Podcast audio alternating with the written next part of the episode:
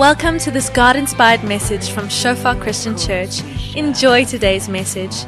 May you experience the presence of our Father and may you grow deeper in your relationship with Him.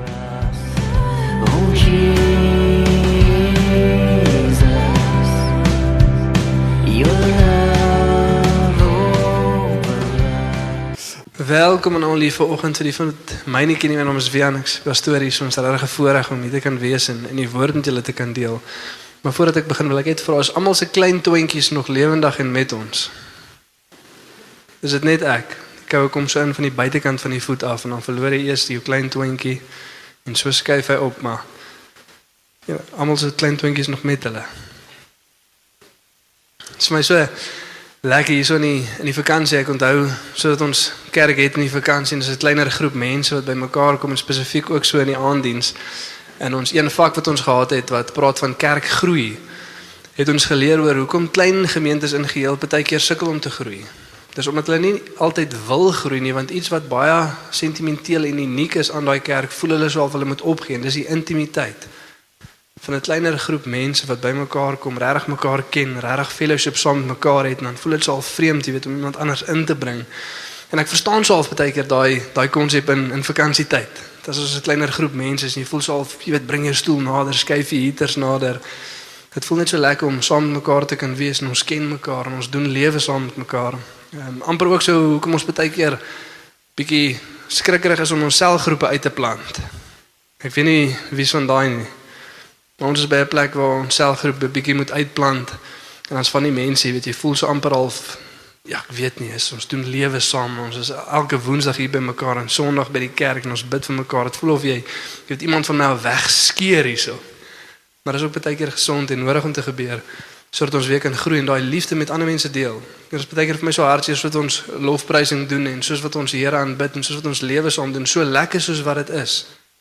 En so goed soos wat dit is kom elke nou en dan die besef maar daar's mense wat dit nie ken nie. Wat nie weet wat dit beteken nie. Wat nie weet hoe dit voel om God te dien, sy vreugde te ervaar, om te groep mense te wees wat lewe saam doen nie. Om daaraan te dink elke ding wat hierdie lewe jou kan toe gooi. Soos wat ons deur COVID gaan, soos wat ons deur die laaste ruk gaan, ekonomiese onstabiliteit en alles wat besig is om te gebeur en jy het hierdie ervaring dat jy is op jou eie. Daar's niemand wat jou bystaan nie, daar's niemand wat jou help nie, daar's niemand waarvoor jy kan vra om vir my te bid of my by te staan of te kom help of te kom uitfigure nie op eie. Dis nie hartseer storie nie. En wat 'n voorreg ons nie het om hier by mekaar te kan wees en God te kan dien nie. Maar voordat ek te veel sê, kom ek bid vir ons. En dan spring ons in vanoggend se preke. Ja Here, dankie dat ons vanoggend hier kan wees. Wat 'n voorreg Here om U te kan dien. En ja, Here, terselfdertyd, Here, soos ons deur hierdie koue tyd gaan, Vader, ek kom sê net vir U dankie, Here. Dankie vir al die ekstra's, Here. Spesifiek ons, Here, in die westerse kultuur, Vader, het baie keer geen idee, Here, wat die woordjie nodig beteken nie. Wat ons eintlik nodig het. En dankie, Here, dat ons hier kan sit, Here, in 'n gebou, Vader, op stoele met gasverwarmers, Here, en speakers en projektors wat skyn. Maar terselfdertyd, Here, wil ons vir U kom vra Here deur ons deur die genade Here. Ons net herinner Here dat niks van dit is nodig nie. U alleen is nodig. Die kerk is nie 'n gebou Vader met 'n klomp goed in Here, maar mense wat in opregtheid dien. En daarvoor kom sê ons vir U dankie Here. Dankie Vader vir al die seëninge in ons lewens Vader. En dankie Here sodat ons dit raak sien Vader, ons hand nooit toe kan wees nie, Here, maar oop Vader sodat ons oorvloedig kan deel, Here, met die mense om ons. U seën ons nie, Here, sodat ons 'n groter leefstyl kan hê, Here, maar sodat ons 'n groter hart van genade en dankbaarheid en vrygewigheid kan hê teenoor die mense om ons en so ook, Here, u liefde openbaar. Dankie vir dit, Here. En dankie Vader dat ons vanoggend hier sit, Here, weet ons dat ons is nie alleen nie. Maar ons het U, Here, ons het U mense, Vader waarmee ons saam Vader lewe doen. Dankie vir daai voorreg. En ja, Here, ons kom bid vanoggend Vader dat ons weer kyk Here na die evangelie, wie Jesus is, wat Jesus kom doen het. Dat hy deur die Gees Here openbaring sal kom bring. Dat laste van skouers af sal val, Here. Dwaalleer sal verdwyn. Sodat ons kyk na die waarheid, Here. Ons kom sê vir U dankie daarvoor in Jesus naam. Amen. So ons gaan aan met ons reeks in Kolossense deel 6 vanoggend. En ons gaan kyk na Kolossense 2 van vers 8 tot 15. En ons titel is dit is volbring. Dit is volbring. En net om 'n vinnige recap te gee van dit wat ons al deur was. Ons het gekyk na hoofstuk 1 en die eerste paar verse, gesien wat die evangelie veronderstel is om in ons lewens te produseer. So het ons gesien dit nog 'n baie konfronterende boek, hierdie boek van Kolossense. Soos wat Paulus skryf, hoe is dit veronderstel om te lyk as ons die ware evangelie werklik glo? Dit kom transformeer ons lewens, dit doen iets in ons lewens. En in die eerste twee hoofstukke verduidelik dit vir ons wat die evangelie is, wie Jesus is en dan van hoofstuk 3 af hoe dit veronderstel is om te lyk in elke deel van ons lewens. Hoe lyk dit in die kerk? Hoe lyk dit by ons huis? Hoe lyk dit by die werk? Hoe lyk dit in die wêreld? Ons gaan volgende week 'n bietjie meer na die praktiese gedeeltes daarvan kyk. En soos wat ons gesien het, die boek is geskryf oor valse lering wat in die kerk ingekom het en Paulus wat besig is om dit teen te staan met die waarheid. Hierdie is die waarheid van wie Jesus is en wat hy vir ons kom doen het. En in hoofstuk 1 dan sien ons wat die evangelie veronderstel is om in ons te produseer: geloof, hoop en liefde. Van die dag wat jy die evangelie gehoor en verstaan het, as ons die ware evangelie werklik glo, produseer dit onmiddellik geloof, hoop en liefde. Daar's 'n verandering in ons lewens. En dan sê die skrif soos wat die Heilige Gees konstant deur die waarheid van die woord openbaring bring in ons lewe, leer ons meer en meer sien wie God is. En dit lei na ons wat God gehoorsaam en daai gehoorsaamheid lei weer na 'n groter openbaring en so gaan hierdie siklus van genade aan. Dit produseer uh, produseer onmiddellik geloof, hoop en liefde en ook aanhoudend so. Mense wat wonderstel is om te groei in dit.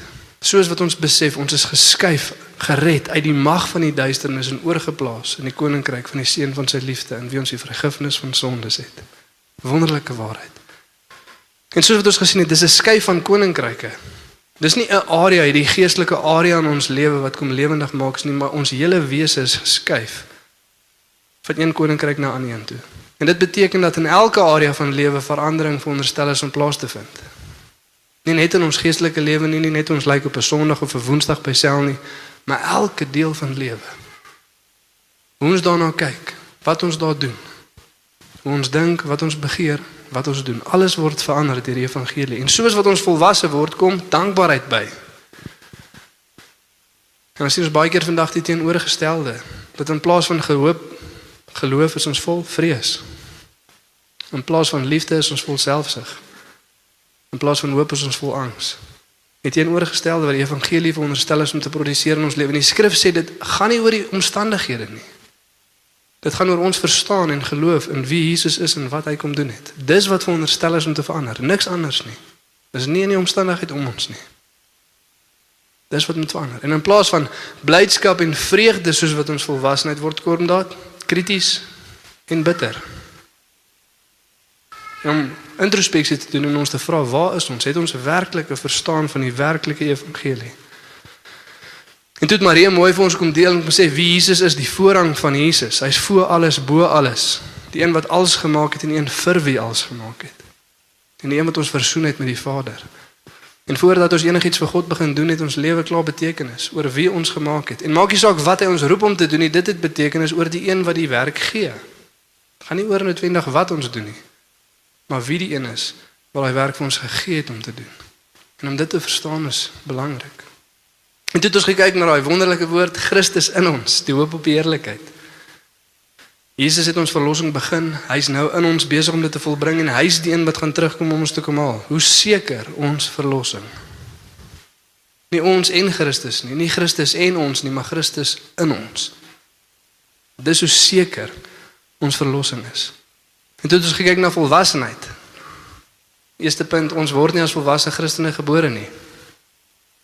Ons is baba Christene die dag ons tot bekering kom. Maak nie saak hoe oud ons is of hoeveel ervaring in lewe ons het nie. En ons groei is deur vermaaning en instruksie. Deur mense wat kom en ons reghelp. En omdat ons babetjies nie geloof is as ons tot die Here nader die eerste keer, maak dit sin dat dit gereeld sal gebeur. En ons het gesien dis nie mense wat wil kom lelik wees nie, dis liefde. Een van die grootste maniere hoe die mense om ons ons kan lief hê, om ons reg te wys en ons reg te leer. En soos wat ons dan groei in die geloof, is dan ook ons beurt om dit te doen. Nie net om dit te ontvang in nederigheid nie, maar ook om dit te gee in liefde. Vermaaning en instruksie, dis ons groei. En party mense kom op 'n plek waar hulle voel ek groei nie meer nie, my geloof stagneer. Dis omdat ons nou nie dit uitdra en dit deel met die mense om ons nie. Ons moet nou gaan disippels maak. Dis waar ons groei lê. En toe het Maria mooi laasweek verduidelik van die valse leerstellings wat in die kerk ingekom het. Hy het drie genoem: wettisme, legalism in Engels, fariseer te wees, noodwendig die regte goed te doen maar vir die verkeerde redes. 'n Evangelie van werke. Mystiek, mysticism, waar alles gaan oor 'n gevoel, waar alles gaan oor wat ek ervaar of 'n visie sien en nie noodwendig oor die waarheid van God se woord nie. Maar wat ek voel, wat ek ervaar. Dit dis dis basies lawlessness net met 'n bietjie emosie by. Wetteloosheid met emosie by. Solank ons voel en ervaar, kan ons eintlik enigiets doen. En dan asketisme om onsself te weerhou van goeie goed.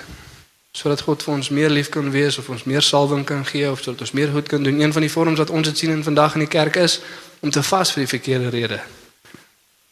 As ons nie vas om by Jesus te wees nie, maar ons vas sodat hy vir ons 'n antwoord kan gee of 'n deurbraak kan gee of genesing kan bring, voel ons half God is al bo in die hemel en as ons net vir hom kan wys ons kan lank genoeg nie eet nie, dan draai ons sy arm en dan doen hy vir ons iets.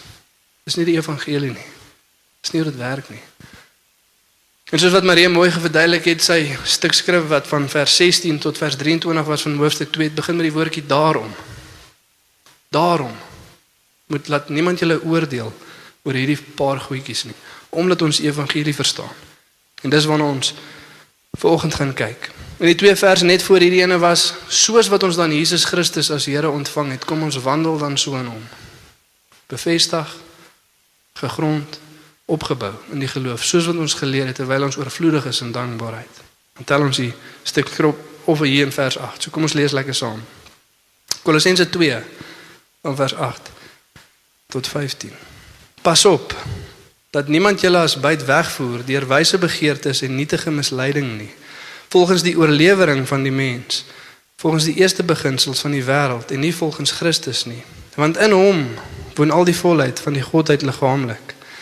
En julle het die volheid in hom wat die hoof is van alle owerheid en mag.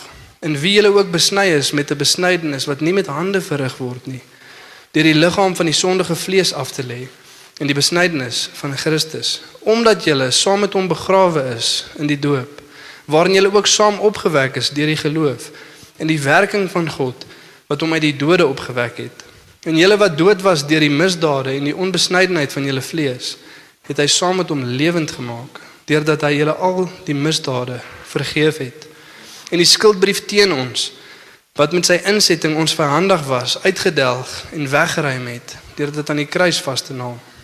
Nadat hy die owerhede en magte uitgekleef, ontwapen het en hulle in die openbaar tentoongestel en daardeur oor hulle getriomfeer het. Mooi stuk skrif, kragtige stuk skrif paar groot woorde in wat baie keer moeilik is om mooi een te lê as ons net so vinnig daaroor lees. En is na hierdie stukkie wat Maria se stuk begin het, daarom. Omdat ons hierdie verstaan, daarom. Laat niemand julle oordeel oor dieete of dae of visioene of goeders oor engele of om sekere goeders te weerhou nie, omdat ons die evangelie verstaan, dis volbring in Jesus. Maar dit begin hierso by vers 8.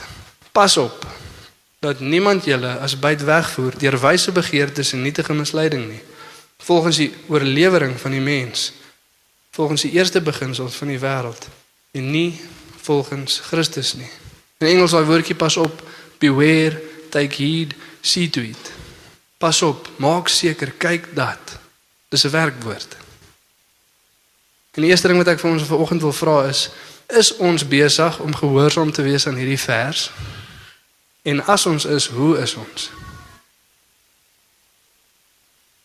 Hoe is ons? Sien dis een van die interessante dinge dat skrif waarsku waarsku gereeld teen misleiding. As die disippels na Jesus toe kom oor die eindtye, dis die eerste ding wat Jesus vir hulle sê, "Pasop dat julle nie mislei word nie." See to it that you are not deceived. Wees waaksaam in gebed sien dat jy nie mislei word nie. En al word dit so gereeld vir ons gesê en al is die waarskuwing so duidelik daar, kan min Christene sê, hoe doen ons dit? Hoe is ons beker? Is ons seker? Jy sien met een van die probleme, dis al 'n voordeel en 'n probleem in die moderne wêreld is hoe maklik ons inligting kan kry. Oor die internet, oor sosiale media is maklik bekombaar. Minder so in Paulus se dag. Jy sien, dit was interessant. 'n Persoon wat daar was wat in die kerk is, begin agterkom, okay, nee, maar wag, hier stadig maar seker besig om valse lering in die kerk in te kom. En ons weet mos nou, ons ken die mense. Ons gaan sê nie noodwendig vir die mense wat ons moet nie, so dit kom so stilletjies deur kringe en dan word dit so half al hoe meer versprei totdat eventually die een persoon dit nou hoor wat weet, okay, nee, maar wag, hierdie maak nie lekker sin nie. En dieselfde is waar in Paulus se tyd. Dan moet Epaphras gaan en vir Paulus of iemand gaan opspoor. Hulle gaan kry waar hulle is vir hom gaan sit en verduidelik, kyk, hierdie is wat besig is om te gebeur. Hy moet die brief terugskryf, teruggery of terug nie eens gery nie, afhangende van 'n perd of 'n donkie teruggeloop heel moontlik by die kerk gekom, dit gelees en seker gemaak almal verstaan dit weer. Baie moeilik, 'n baie lang proses. Maar ook gelukkig versprei valse inligting ook so stadig. Dit gebeur ook nie so vinnig nie. Maar vandag is dit oral. Maak jou foon oop, gaan op Facebook, gaan op YouTube, waar ook al jy kan sien is die moontlikheid van misleiding daar. Sit jou TV aan definitief. Definitief. Al is dit jy weet net 'n series of 'n storie wat ons kyk, die manier van lewe en die denkspatroon leer ons dit wat ons nie veronderstel is om te lewe nie. Heeltemal geverdraai. Die nuus vol vrees. Oral is alles net gebombardeer en dis daarso. Hoe maak ons seker dit wat ons hoor, dit wat ons sien is waar? Dis iemand baie keer en ook in vandag se tyd is ons so geneig as ietsie mooi klink of oulik lyk, jong dan share ons dit sommer. Maar maak ons seker dis eintlik waar. Wanneer laas het jy iets gehoor, 'n preek gehoor, hier selfs in ons kerk? Dis bietjie makliker as ons vers vir vers deurgaan, maar nietemin Het jy iets gaan hoor en gaan kyk in die skrif? Is dit so deur die konteks gewerk, deur die stuk skrif gewerk? Is dit regtig so? Die woordjies gevolg daarom omdat sodat daarvoor. OK, nee, dit maak sin, dis eintlik waar. En dan deel ons dit met die mense om ons. Of ontvang ons net en ons deel net. Maar pas op. Dit gaan nie van self gebeur nie. Niemand gaan vir jou pas op nie. Niemand gaan vir jou kyk nie. In 'n manier, obviously is ons dan vir mekaar uit te kyk en mekaar reg te help. Maar ons moet seker maak dat ons nie mislei word nie. En hoofsaaklik kyk ons na daai laaste stukkie en nie volgens Christus nie. Dit moet gaan oor Jesus. Deur genade alleen, deur geloof alleen in Jesus alleen, soos geopenbaar deur die skrif alleen tot die glorie van God alleen. Dis ons seker maak dat dit wat ons glo en dit wat ons ontvang werklik die woord van God is. Genade alleen, God se werk, nie ek en God nie. Nie God se genade en wat ek kon doen nie.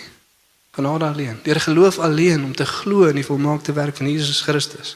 Ja, dit produseer klomp goed, maar geloof alleen. In Jesus alleen, nie Jesus en die feeste nie, nie Jesus en om nie dit te doen nie, Jesus alleen. Ja, dit lei na 'n verandering in lewe toe, maar Jesus alleen.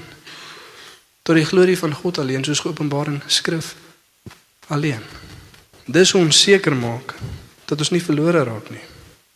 Ons sien baie mense sal sê selfs vir ons in hierdie kerk, eers julle preek dan maar baie oor die evangelie, oor baie oor Jesus. Jy weet, wanneer gaan ons 'n bietjie praat oor die eindtye of oor sekere profeseë of wat ook al. Ons sê ons gaan hierso deur hierdie boek vir die laaste 6 weke. En al waar die boek se ver praat is die evangelie. En wie Jesus is. En Paulus herhaal homself. Ons gaan in hierdie stuk skrif die derde opsomming van die evangelie sien in twee hoofstukke. Dis die hoofsaaklike fokus is wie Jesus is en wat die evangelie is. Dit is wat ons moet verstaan. Want soos wat ek sê as Jesus se disippels na hom toe kom en vra oor die eindtye, is die eerste ding wat hy sê, besop dat julle nie mislei word nie. Matteus 24 vers 4. Besop dat julle nie mislei word nie. Baie mense gaan sê hulle is ek. Baie mense gaan sê hiersoos hy. Baie mense gaan sê daarsoos hy. En baie mense gaan mislei word. Omdat hulle nie weet wie Jesus is nie, omdat hulle nie weet wie die evangelie is nie. 2 Korintiërs 11 as dit praat van die vyand wat die mense mislei en skryf Paulus ek's bang dat julle gedagtes weggelei gaan word van 'n suiwer en onverdeelde toewyding aan Christus want as iemand kom en 'n ander Jesus, ander evangelie, ander gees kom verkondig. Dis wat ons moet weet, dis wat ons moet besef. 'n Liefde vir die waarheid. 2 Tessalonisense 2 vers 10 praat van die eindtye en die vyand wat gaan kom met gruwelike misleiding.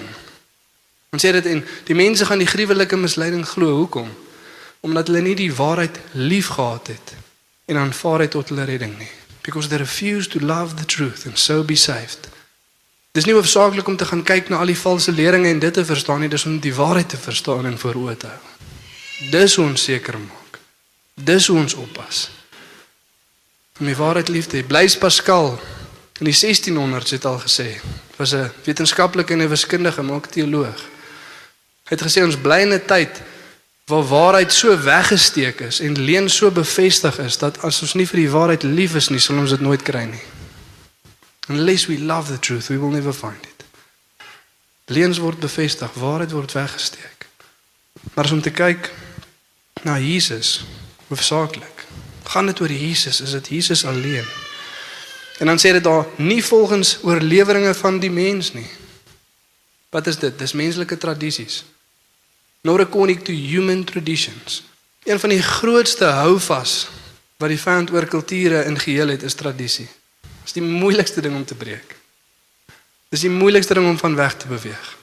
Maar my oupa het my pa het en ek moet seker maar ook, weet dit is mos maar hoe ons dit nog altyd gedoen het. Ons doen nie dit oor dat ons dit altyd so gedoen het nie. Ons doen dit want Jesus sê so. Skrif alleen. Nie tradisie nie. Jesus het in sy dag gekom en die mense gewaarsku. Te vergeefs leer julle die tradisies van mens eerder as die woord van God. En dan sê dit nou hierso ding, waar kom hierdie tradisies vandaan? En nie volgens die eerste beginsels van die wêreld nie. Klink so half na 'n vreemde ding daai. Moet ons nie ou boeke lees nie. Nee, daai praat van dit kan ook vertaal word die die elementêre geestelike magte of geestelike principles. Geestelike beginsels. Praat van geestelike owerhede. The elemental spirits of this world, soos wat die Engels sal sê.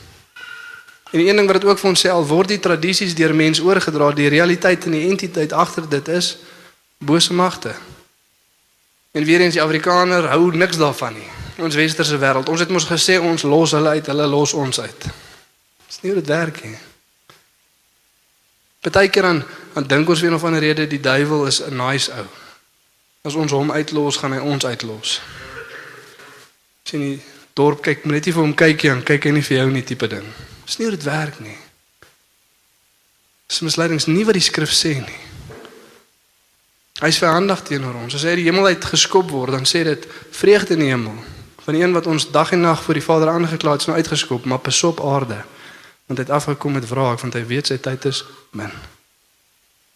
Ons moet pas op, ons moet kyk. Ons moet bewus wees daarvan. Maar dit werk nie so nie. So dit Marie ook verduidelik het 1 Timoteus 4 vers 1 so op die bord nie. Maar dan sê dit die Gees sê uitdruklik in die laaste dae gaan mense van die geloof afvallig raak en hulle toewy aan leerstellings van bose geeste. Hierdie mense se gewete is toegeskroei. So die mense is een wat die boodskap dra, maar die realiteit en die entiteit agter dit is bose geeste. So die wêreld werk. Skrif sê hy is in beheer van hierdie wêreld, die regerder van hierdie wêreld.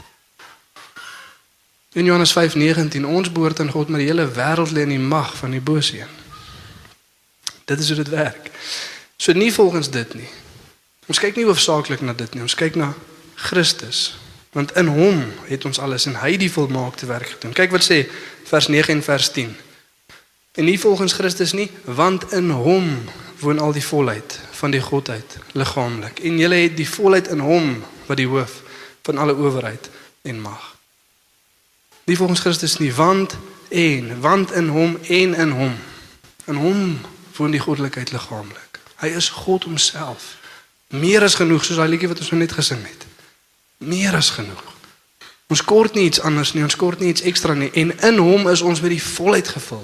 Jesus het nie vir ons 'n deel gegee en gesê, "Oké, okay, ek het nou my deel gedoen, ek het nou hierdie ding so al van die gang gesit, maak julle nou net seker hy hardloop verder nie." Nee, Christus in ons. Die hoop op die heerlikheid. God wat ons met hom self vul. En die belangrike ding wat ons moet bestaan en dis wat hierdie stuk skrif nou vir ons gaan verduidelik. So het ons 'n paar keer al gesê het as ons kyk na die evangelie is daar vier dele. Wat's daai vier dele wat ons moet verstaan? Probleem, oplossing, reaksie, effek.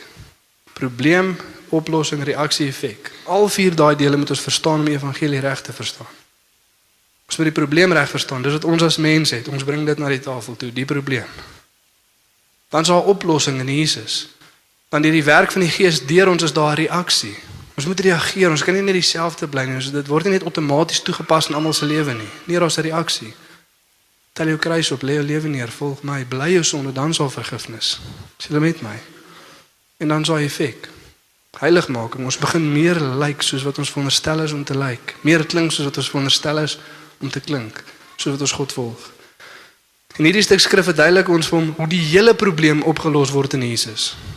Jy sien want die, die fout wat ons baie keer maak is ons dink 'n sekere deel, net ons sonde is vergewe, maar ons nog steeds daai bose magte. Ons moet nou van hulle ontslaa raak op 'n ander manier.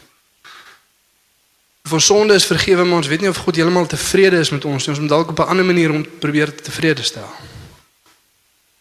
Of ons sonde is dalk vergewe, maar ons voel nie lewe en lewe in oorvloed nie. Ons moet dalk ietsie anders doen om daai lewe te ervaar. Skrif sê nee, alles in Jesus. Die fout is die probleem is drievoudig, die oplossing ook. Wat se drievoud probleem met ons as mens? Ons is dood in sonde. So hierdie stuk skrif ook sê Efesiërs 2 van vers 1 tot 3 seker die mooiste opsomming. Ons wat dood was in ons sonde, beheer was deur die prins van die geestelike magte in die lig, die gees wat nou in die werk is in die seuns van ongehoorsaamheid. Beheer deur die duiwel. Dis ongemaklike een. Ons hou nie daarvan nie, maar dis wat die skrif sê. Hoofstuk 1 vers 13 van Kolossense waar deur ons ook gaan ons is verlos uit die mag van die duisternis. Dis die skrif wat dit sê, is nie my idee nie. Elkeen van ons. En van wie ons sondige natuur is ons bestem vir God se straf, soos die res van die mensdom, bestem vir God se straf. Dood en sonde, beheer deur die duiwel, bestem vir God se straf. Ernstige probleem, drievoudig. En Jesus kom en hy los elkeen van daai probleme op. In hom is die antwoord. In hom is dit volbring. Dis 'n volmaakte werk. En ons gaan nou daarna kyk. Want ons probeer baie keer op 'n ander manier dit sou half reg kry. En veral daai die die laaste een, jy weet vir ons as Afrikaners beheer deur die duiwel. Wat ek sê, dit klink vir ons baie keer baie snaaks. En dit is so eenvoudig soos dit. Daar waar ons die waarheid glo en die waarheid volg, is ons besig om God te gehoorsaam, die weg, die waarheid en die lewe. En waar ook al ons alleen glo en alleen leef, gehoorsaam ons die vyand, want hy is die vader van leuns. Dit is so maklik soos dit.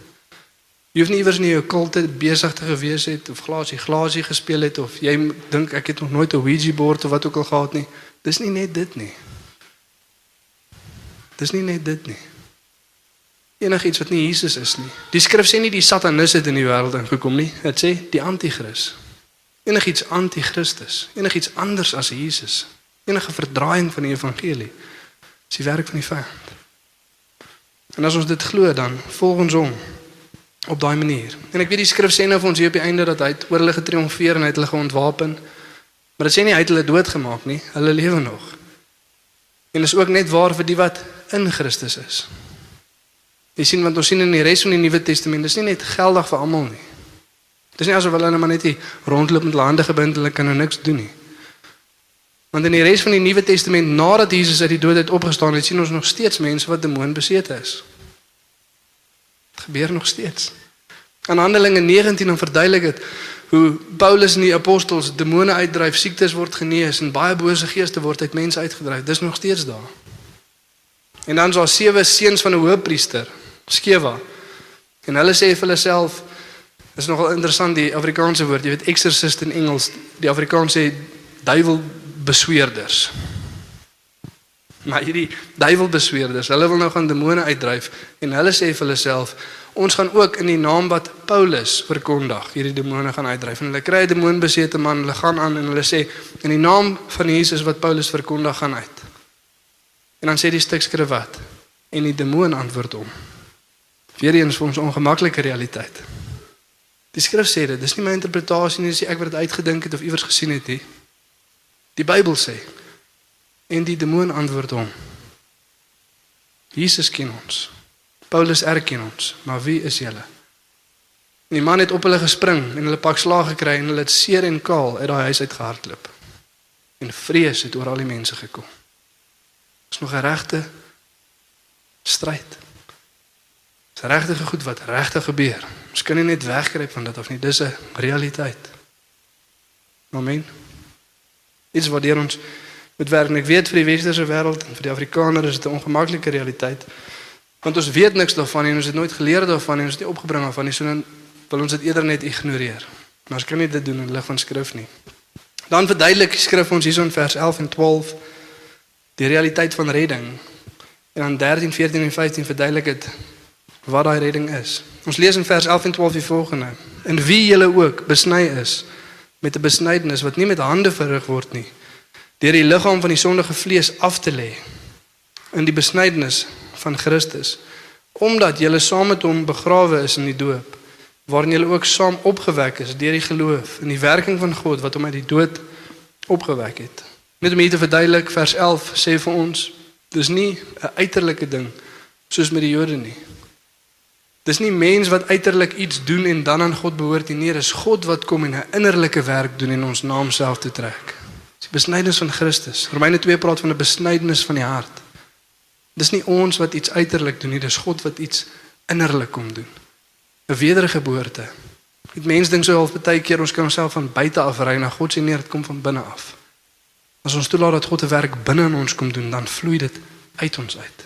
Ons begin nie buite en werk binne toe nie. Maar God kom doen die werk. En dan in vers 12 dan sê dit omdat julle saam met hom begrawe is in die doop. Baie belangrik vir ons om hierdie ook te verstaan anders te dink ons weer die doop red. Paulus sê nie omdat ons ons laat doop het nie. Hy sê nie elke persoon wat gedoop is is toegered nie. Nee, hy sê dis waartoe die doop wys. Dis waarna die doop wys. Dis nie elkeen wat die fisiese daad gaan doen nie. Anders is dit weer 'n geloof gebaseer op werke. Ons wat onsself laat doop. Dis 'n sakrament. Dis nie wat die doop doen nie, dis waarna die doop verwys.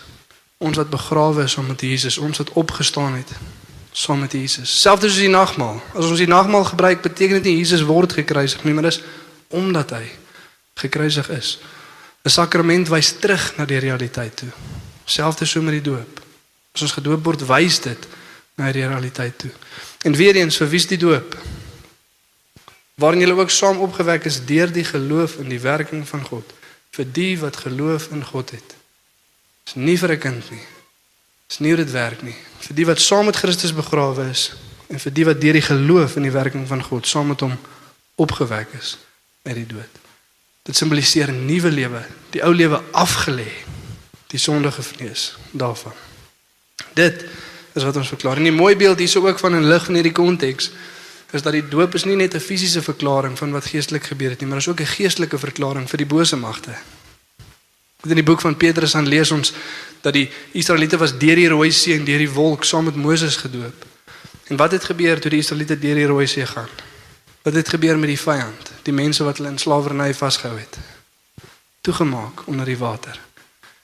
In dieselfde manier wys die doop dieselfde vir ons. Ons sterf saam met Christus, ons staan op 'n nuwe lewe en soos wat ons uit die water uitkom, is die bose magte agtergelos. Is dit nie 'n mooi prentjie nie van wat Jesus vir ons kom doen en kom wys? En nou volg na hierdie 'n mooi opsomming van die evangelie en as ons dit verstaan, val die ekstra goedjies weg. So het ons gesê Maria wat kom praat het van witteïsme, van mistiek, van asketisme. As ons hierdie verstaan, Dis daai nie nodig nie. En so wat ons nou deur die volgende lees, wil ek hê ons moet oplet in watter tyd Paulus dit skryf. Bedoel nie in die eerste eeu nie. Bedoel in die teenwoordige tyd, toekomstige tyd of verlede tyd. Past tense. Elke liewe ding wat hy nou skryf, die tens verander na past tense toe. Verlede tyd, slag gebeur, 'n volledige werk. Luister, hoe mooi is dit? Vers 13. En julle wat dood was deur die misdade en die onbesnedenheid van julle vlees, het hy saam met hom lewend gemaak deurdat hy julle al die misdade vergeef het. Hy het ons lewendig gemaak. Hy het ons sondes vergeef. Dis klaar, dis verby. Dis gedoen. Dis 'n volmaakte werk. Daar's niks anders wat moet gebeur nie. En die ding wat ons hier moet besef is lewe is waar in Jesus. Genesis 1:26, dit praat van hoe God die mens maak Dan sê dit en God sê laat ons mens in ons beeld maak. Hoekom is dit belangrik? Want soos wat ons na die verhaal van die skepping lees, dan sien ons elke keer as God iets maak, dan spreek hy met die ding wat vir daai ding sy lewe gee. Byvoorbeeld as hy die plante maak, as hy die bome maak en sê grond bring voort en die grond het voortgebring plante en spruitjies en bome. Met ander woorde, daai goed kry hulle lewe in die grond. Verwyder die boom uit die grond uit dan is dit nie meer wat dit moet wees nie. Hy sê vir die water, laat die waters met visse wemel en die visse word gemaak. Haal die vis uit die water uit. Dan gaan die vis dood. En toe hy die mens maak, toe praat hy met homself, laat ons want dis waar ons ons lewe kry. En omdat ons nie lewe het nie, is omdat ons verwyder is van God. Lewe is in Christus. Lewe is in Christus. Johannes 10:10, 10, 'n bekende vers. Ek het gekom sodat hulle lewe kan hê en lewe in oorvloed. Johannes 17 vers 3. Dit is die ewige lewe om God te ken en Jesus Christus wie hy gestuur het. Dit is lewe. Ons het op van ons borde wat in die dorp is, ek weet nie of julle dit al raak gesien het, hierdie volgende vraag. Jesus came to give life. Does it feel like you are truly living? Jesus het gekom om lewe te gee. Voel dit asof ons werklik lewe? Is dit 'n realiteit in jou lewe? Jesus het kom lewe gee. Ervaar jy daai lewe? Dis net dis my die hartseerste ding van 'n wettiese mentaliteit. Hierdie wettiesme waarvan Marie gepraat het om allerlei goeders te doen en feeste te vier en te onderhou. Alles met die verkeerde mentaliteit sodat God ons kan red, sodat God met ons tevrede kan wees. En baie keer doen ons dieselfde. En die rede hoekom dit so hartseer is dat dit wat veronderstel is om lewe te gee, lei na ons wat meer uitgeput is, meer moeg is. Weet jy hoe gereeld het ek al by mense gehoor dat Sondag as ons moet opstaan vir kerk dan voel ons maar net te moeg. Dan bly ons eerder by die huis sodat ons kan rus. En dit breek my hart hoekom? Want hulle het 'n misverstand van die evangelie. Deur dit te sê sê hulle ek, ek ek kan nie nog iets doen nie. Ek is te uitgeput te oorlaai. Ons het hierdie is om te ontvang, hierdie is om lewe te kry. Dis klaar gedoen. Jy hoef nie die boks te kom check nie. En sies lose boekie skroetype letters, dan skryf hy van klein demoon en 'n ouer demoon, so 'n fictional boek wat hy skryf. Oor hoe hulle ons as mens verlei. En dan skryf die klein demoon vir die groot demoon terug en sê nee, hierdie persoon wat ek nou besig is om te tempteer, is nou verby. Kyk, hy is besig om in die woord in te delf elke oggend en hy bid en hy loof die Here en hy kom gereeld sonder die gemeenskap van gelowiges bymekaar. As hy so aanhou, gaan ons hom nie kan stop nie. Die ouer de, ouer demoon sê vir die jonger demoon, vertel net vir hom een ding. Vertel vir my wil dit nie doen nie, vertel vir my moet dit doen.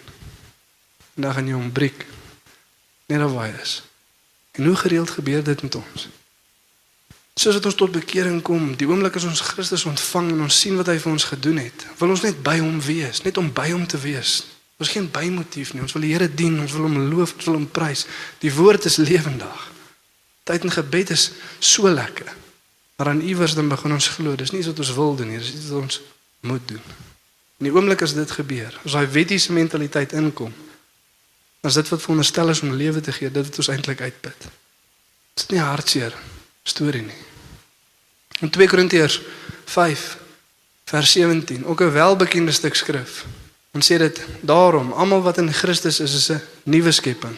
Die ou het weggegaan, kyk, die nuwe is nou hier. Maar weer eens begin daai stuk skrif met die woordjie daarom. Wat sê vers 14, 15 en 16? Dit sê die liefde van Christus dring ons omdat ons tot die besef gekom het dat een gesterf het, naamlik Christus.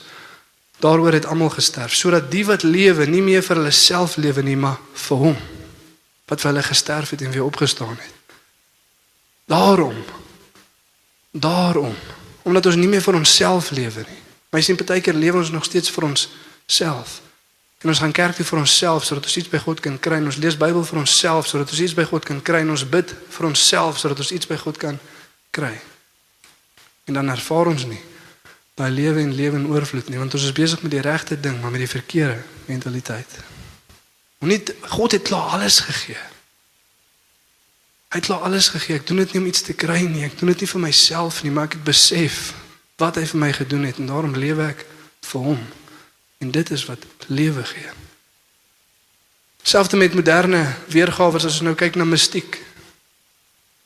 Mysticism van berading en bevryding. Jesus alleen is nie genoeg nie, daar moet allerlei ander goed ook gebeur. Allerlei visioene moet gesien word. En goedjies moet gebeur as ons regtig bevry wil word sodat ons lewe kan ervaar. In plaas van die eenvoud van die evangelie belydenis, vergifnis, restituisie sodat ons nader aan hom kan wees. Dit is so eenvoudig soos dit.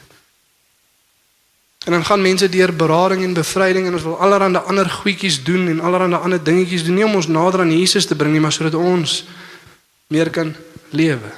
Lewe is in Christus. Dis sodat ons nader aan hom kan kom. Dis hoekom ons dit doen. Dis hoekom ons vergewe, dis hoekom ons bely, dis hoekom restituisie plaasvind. Sodat ons nader aan Jesus kan wees. Nie om ekstra goedjies te doen nie. Maar ook om te besef dis deur die geloof. Geloof in Jesus produseer nog steeds iets in ons lewens. En as ons dit verstaan en ons sondes vergewe is, beteken dit nie ons doen net niks nie, maar dit verander ons lewens. Ons lewe in Jesus. En nou vyandskap teenoor God vers 14. Ons wat bestem was vir God se straf.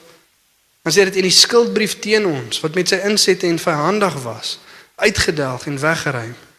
Het deur dit aan die kruis vas te naal. Die engel sê the record of debt that stood against us with its legal demands. Praat van God se wet. Dis 'n wettiese ding, reg so. Daar was 'n rede hoekom dit teen ons gestaan het. Want ons het God se wet gebreek. Ons was vyandig teenoor God, soos wat hoofstuk 1 vers 21 sê, ons wat vervreemd was, vyandig gesind, besig met bose werke, het hy ons versoen in die liggaam van sy vlees. Dis gedoen. Dis klaar, dis ook in die verlede tyd. Die Engels sê it stood against us. Dit het teen ons gestaan, dit doen nie meer nie. Hoekom want Jesus het dit in die kruis vasgenaam. En as ons dit verstaan, beteken dit nie ons lewe net aan en doen maar net wat ons wil nie. Nee, weer eens dit bring verandering in ons lewe. Dit beteken ook nie net almal is vergewe nie, maar dit wat beteken dit? In Johannes 1 vers 9. As ons ons sonde bely, is hy regverdig en getrou en hy sal ons ons sonde vergewe en van alle ongeregtigheid reinig. Hy het vasgenaal in die lys, dit is klaar, dis gedoen. En as ek dit sien, beteken dit nie net eers dankie Jesus, ek gaan maar net aanhou in my sonde nie. Nee, die goedheid van God lei ons na bekering. Om dit te sien en vir Here te sê, Here, jammer, ek vergewe. Vergewe my sondes. Om te weet is dadelik vergewe. Dit doen iets in ons. Nie ek bely my sonde en nou gaan maak ek reg en ek doen dit vir 'n paar weke nie en ek nee. Jesus alleen. Dis volmaak, dis gedoen. Laat die las van ons skouers afval. En dan dink ons baie keer nee, ons is nou vergewe, maar God is dalk nog steeds nie heeltemal tevrede met ons nie. Miskien moet ons nog 'n paar goed doen of miskien moet ons ons van 'n paar goeders weerhou. Dan sal God tevrede wees. Nee. Ons is in sy liggaam versoen. Wat beteken dit? Versoening. Restaurasie van 'n vriendelike verhouding. As God die Vader na ons kyk, dan sien hy Jesus. Hoekom? Want ons is in hom. Ons is in hom. Sy geregtigheid word ons en verstaan ons dit. Daar's niks wat ons hoef te doen nie. En baie keer dan ervaar ons dit. Ons het nog steeds hierdie wettiese mentaliteit. Die oggend as ek opstaan en ek het nou ge oorslaap, ek het nie my Bybel gelees vanoggend of gebid nie. Nou weet ek nie of God tevrede is met my die dag nie. Ek sal maar môre weer weer moet probeer. Dis nie hoe dit werk nie. Dis ek het nou iets gemis of ek het nou Dawid dit gedoen. Nou moet ek eers weer vir God vir 'n rukkie lank wys. Ek kan die regte ding dan sal jy weet dis nie hoe dit werk nie. In Christus volmaak volbring. Nie om te werk om iets te verdien nie, maar sodat ons sien dat ons dit klaar het, dan produseer dit verandering in ons lewe. Verstaan ons dit? Begryp ons dit? Is dit 'n realiteit in ons lewe? Jesus het ons met die Vader versoen. En dan laastens vers 15. Nadat hy die owerhede en magte uitgeklee, beteken ontwapen en hulle in die openbaar tentoongestel en daardeur oor hulle getriomfeer het die magte en die vyande. In vers 13 ons het uit die mag van duisternis verlos. God het dit vir ons kom doen in hom. Daar's niks ekstra nodig nie. Maar ons stoei nog steeds nie teen vlees en bloed nie, maar teen geestelike magte. Hoe doen ons dit? Volgens Efesiërs 6 in Christus met sy wapenrusting aan, want hy het hulle geontwapen. Nie op ons eie nie, maar in hom staan ons hulle te. En die valse lering wat ons kry rondom dit ook, soos ek ook al genoem het in die Afrikaner kultuur spesifiek, los hulle uit en hulle los jou uit. Waar het ons dit geleer? Waar het ons dit gelees? Hoekom dink ons dit werk so? Partykeer dink ons, jy weet, die duiwel en sy demone is 'n kwaai hond in iemand se erf. En solank ons net nie daarin gaan nie, sal hulle ons uitlos. Dit werk nie so nie. Ons kan nie daai mentaliteit hê nie. Dit beteken nou nie ons moet die duiwel en die demone gaan soek onder elke ding en in elke ding nie, maar om bewus te wees dat ons stoei nie teen vlees en bloed nie. Dis seker die hartseerste ding van die westerse wêreld. Eers ons kan met mekaar stry en beklei. En dan dink ons, val jy weet met immigrasie nie ons moet na daai land of daai land toe gaan want hierdie land is in sy kas en want die mense wat in beheer is van die land. Nee. Ons stry nie teen vlees en bloed nie. Sonde is oral, magte is oral. Dit lyk dalk anders. Maar dis die probleem. Jy gaan daarmee die probleem te doen hê. En ons moet standvastig bly in gebed en dit teenstaan deur die geloof in Jesus. En ook baie keer dan sit so of wees ja, Jesus het vir ons iets kom doen, die valse valse leerstellings, maar ons het 'n ons het nou 'n hoër kennis. So wat hierdie boek ons ook van leer. Ons het 'n hoër kennis. Ons ken hulle name. Ons weet van die range van die vyand. Ons gaan sout strooi en olies meng en op spesifieke plekke gaan staan en bid. Nee. Christus alleen. Hy het die vyand geontwapen. Dis nie hy het ons nou gered en nou moet ons self taktiek vorm en kyk hoe ons nou hierdie ding gaan uitsorteer nie. Of ook soos die Afrikaner partykeer, jy weet, soos wat ons baie tradisie en self baie logiese denkers partykeer is, so kan ons partykeer die grootste nonsens glo. Ons hoef ons net die Bybel oop te maak by Psalm 91. Dis maklik.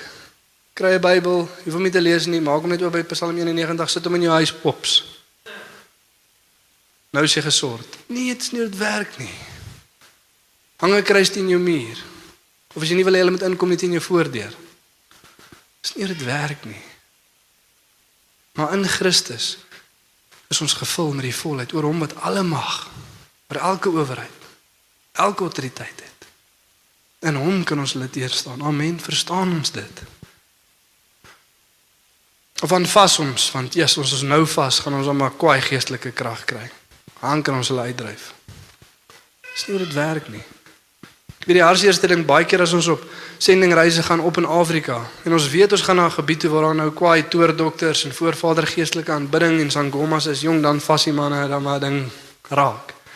Want ons moet nou daai geestelike krag opbou. Die battery moet vol wees want as ons daar kom dan moet hulle uit. Dis nie hoe dit werk nie. As die mense na Jesus toe kom en hulle vra vir hom, "Hoekom vas die disippels van die Fariseërs en die disippels van Johannes met jou disippels vas nie?" Wat sê Jesus vir hulle? Ek is by hulle, dis onmoontlik. Hoe kan hulle vas as ek by hulle is? Met ander woorde, hoe kan hulle honger en dors na my as ek voor hulle staan? Hulle vas nie vir krag nie, hulle vas nie vir dit wat ek vir hulle kan gee nie. Nie een van hulle het huise nie, nie een van hulle het oorvloed nie, nie een van hulle het enige van 'n ander goederes nie, maar hulle kan nie vas nie. Hoekom? Want vas is nie vir dit nie is vir my, ek staan reg voor hulle. Maar dan sê Jesus, maar daar gaan 'n dag kom wat ek weggevat word. Dan gaan hulle vas. Meer van Jesus se teenwoordigheid en sy nabyheid. Dis hoekom ek vas. En ja, dan kry ek leiding van God af en ja, hy gee my autoriteit vir sekere goeders en ja, daar's klomp ekstra goed, maar dis nie hoekom ons dit doen nie. Ons doen dit sodat ons by hom kan wees. Amen. Hy sluit vir ons af met Johannes 19 vers 30. Kruisiging van Jesus. Nadat Jesus die suurwyn gekry het, het hy gesê, dit is volbring. Toe hy toe hy sy kop vooroor laat sak en die laaste asem uitgeblaas. Dit is volbring. It is finished. It is done. Dit is gedoen. Niks ekstra nie. Niks byvoeg nie, niks wegvat nie. Alles in Jesus Christus. As ons dit verstaan, dan is die valse leringe weg. Of dit nou kom by ons wat nie ervaar dat ons lewe het nie, of dit kom by bevryding of dit kom by berading of dit kom by geestelike lewe of dit kom by wat God ons geroep het om te doen. Christus alleen. Hy het ons met die Vader versoen. Hy het ons skuld vergewe. Hy het die vyand verslaan. Hy het kom lewe gee. En as ons dit nie ervaar nie, dan doen ons nie klomp ander goed nie. Ons nader tot hom. Wandel in hom soos jy hom ontvang het. Amen. Kom ons staan volgende dan. Bid ons saam.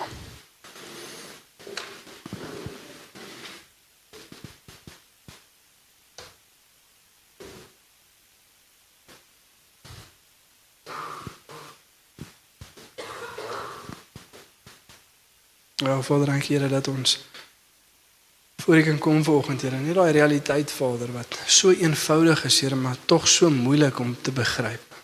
Dit is volbring. Dit is klaar, dit is gedoen. Skuld is vergewe, die vyand is verslaan. Jesus het kom lewe gee, ons is versoen met die Vader. Uit genade alleen. U werk, Here, u geskenk. En wat ons bysit, Here, is nie werke nie. Dis nie om sekere goed te doen of sekere goeders nie te doen nie.